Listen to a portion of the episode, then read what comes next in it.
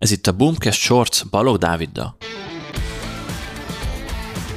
Mi is az a Performance Max kampány típus a Google hirdetéseknél? Az előző adásban beszéltem a Facebook hirdetések újításáról, az Advantage Plus kampányokról, ami bevallom őszintén számomra egy nagyon nagy csalódás volt. Hogyha kíváncsi vagy arra, hogy mi ez és hogy működik, akkor hallgass meg az előző adást. Most viszont a Performance Max esetében teljesen más a helyzet. Ez a Performance Max, vagy röviden csak PMax-ként szoktunk rá hivatkozni, ez egy új irány a Google Ads keretein belül, ami szerintem az első lépés a Google részéről egy új jövő felé. Itt lényegében kombinálták a Facebook hirdetések működését a Google hirdetési rendszerével, és egy tényleg nagyon-nagyon ütős rendszert alkottak. Nagyon izgalmas az egész, mert most érzem először azt az elmúlt 6-7 év során, hogy a Google lenyomhatja a Facebookot a hirdetések hatékonyságában. Persze az fontos megjegyezni, hogy ez eleve egy szubjektív dolog, és a Google és a Facebook nem helyettesítő termékek. Ez alatt azt értem, hogy a Facebook az inkább egy proaktív hirdetési platform, ahol ugye mi megtalálhatjuk az embereket az alapján, hogy tudjuk, hogy valószínűleg kiket keresünk, és elérhetjük őket a vásárlói útvonal egy korábbi szakaszában, amikor még meg kell győznünk, igényt kell teremtenünk a termékünkre vagy szolgáltatásunkra. A Google esetében viszont más a helyzet. Ott megvan a kialakult igény, és úgy tudunk értékesíteni igazából az embereknek.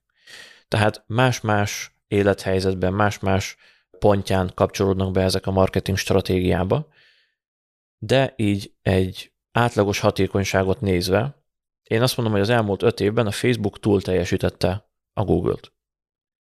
Most viszont nagyon úgy néz ki, hogy változni fog a helyzet.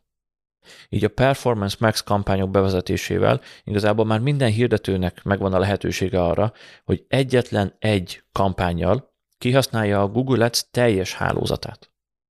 Ez azt jelenti, hogy egy kampányjal a YouTube, a Display, a kereső, a Discover, a Gmail és a térkép megjelenési helyeket le tudod fedni. Ez nagyon leegyszerűsítve úgy működik, hogy asset groupokat kell létrehozni, ahova bedobhatsz egy csomó képet, videót, rövid és hosszú szöveget, és ezekből kombinálja a Google a megfelelő elemeket a megjelenési helyekre. Tehát mondjuk egy search, ugye egy keresési hirdetésnél csak szöveget fog beilleszteni, egy YouTube hirdetésnél pedig beteszi hozzá a videót. Szóval tök jó kombinálja az egészet, és tettek emögé egy elég erős mesterséges intelligenciát, ami nagyon hasonlóan működik, legalábbis eddig úgy látjuk, mint a Facebook konverziós kampányok esetében. Ez lenne tehát a Performance Max kampánytípus. Most tényleg csak nagyon röviden akartam bemutatni. Publikáltunk erről egy hosszabb Boomcast adást, ez április 21-én jelent meg, úgyhogy érdemes ezt visszakeresni, de betesszük a linket a leírásba is. Hogyha érdekel, hallgassd meg, illetve készítettem egy nagyon-nagyon részletes leírást is a Performance Max kampányokról.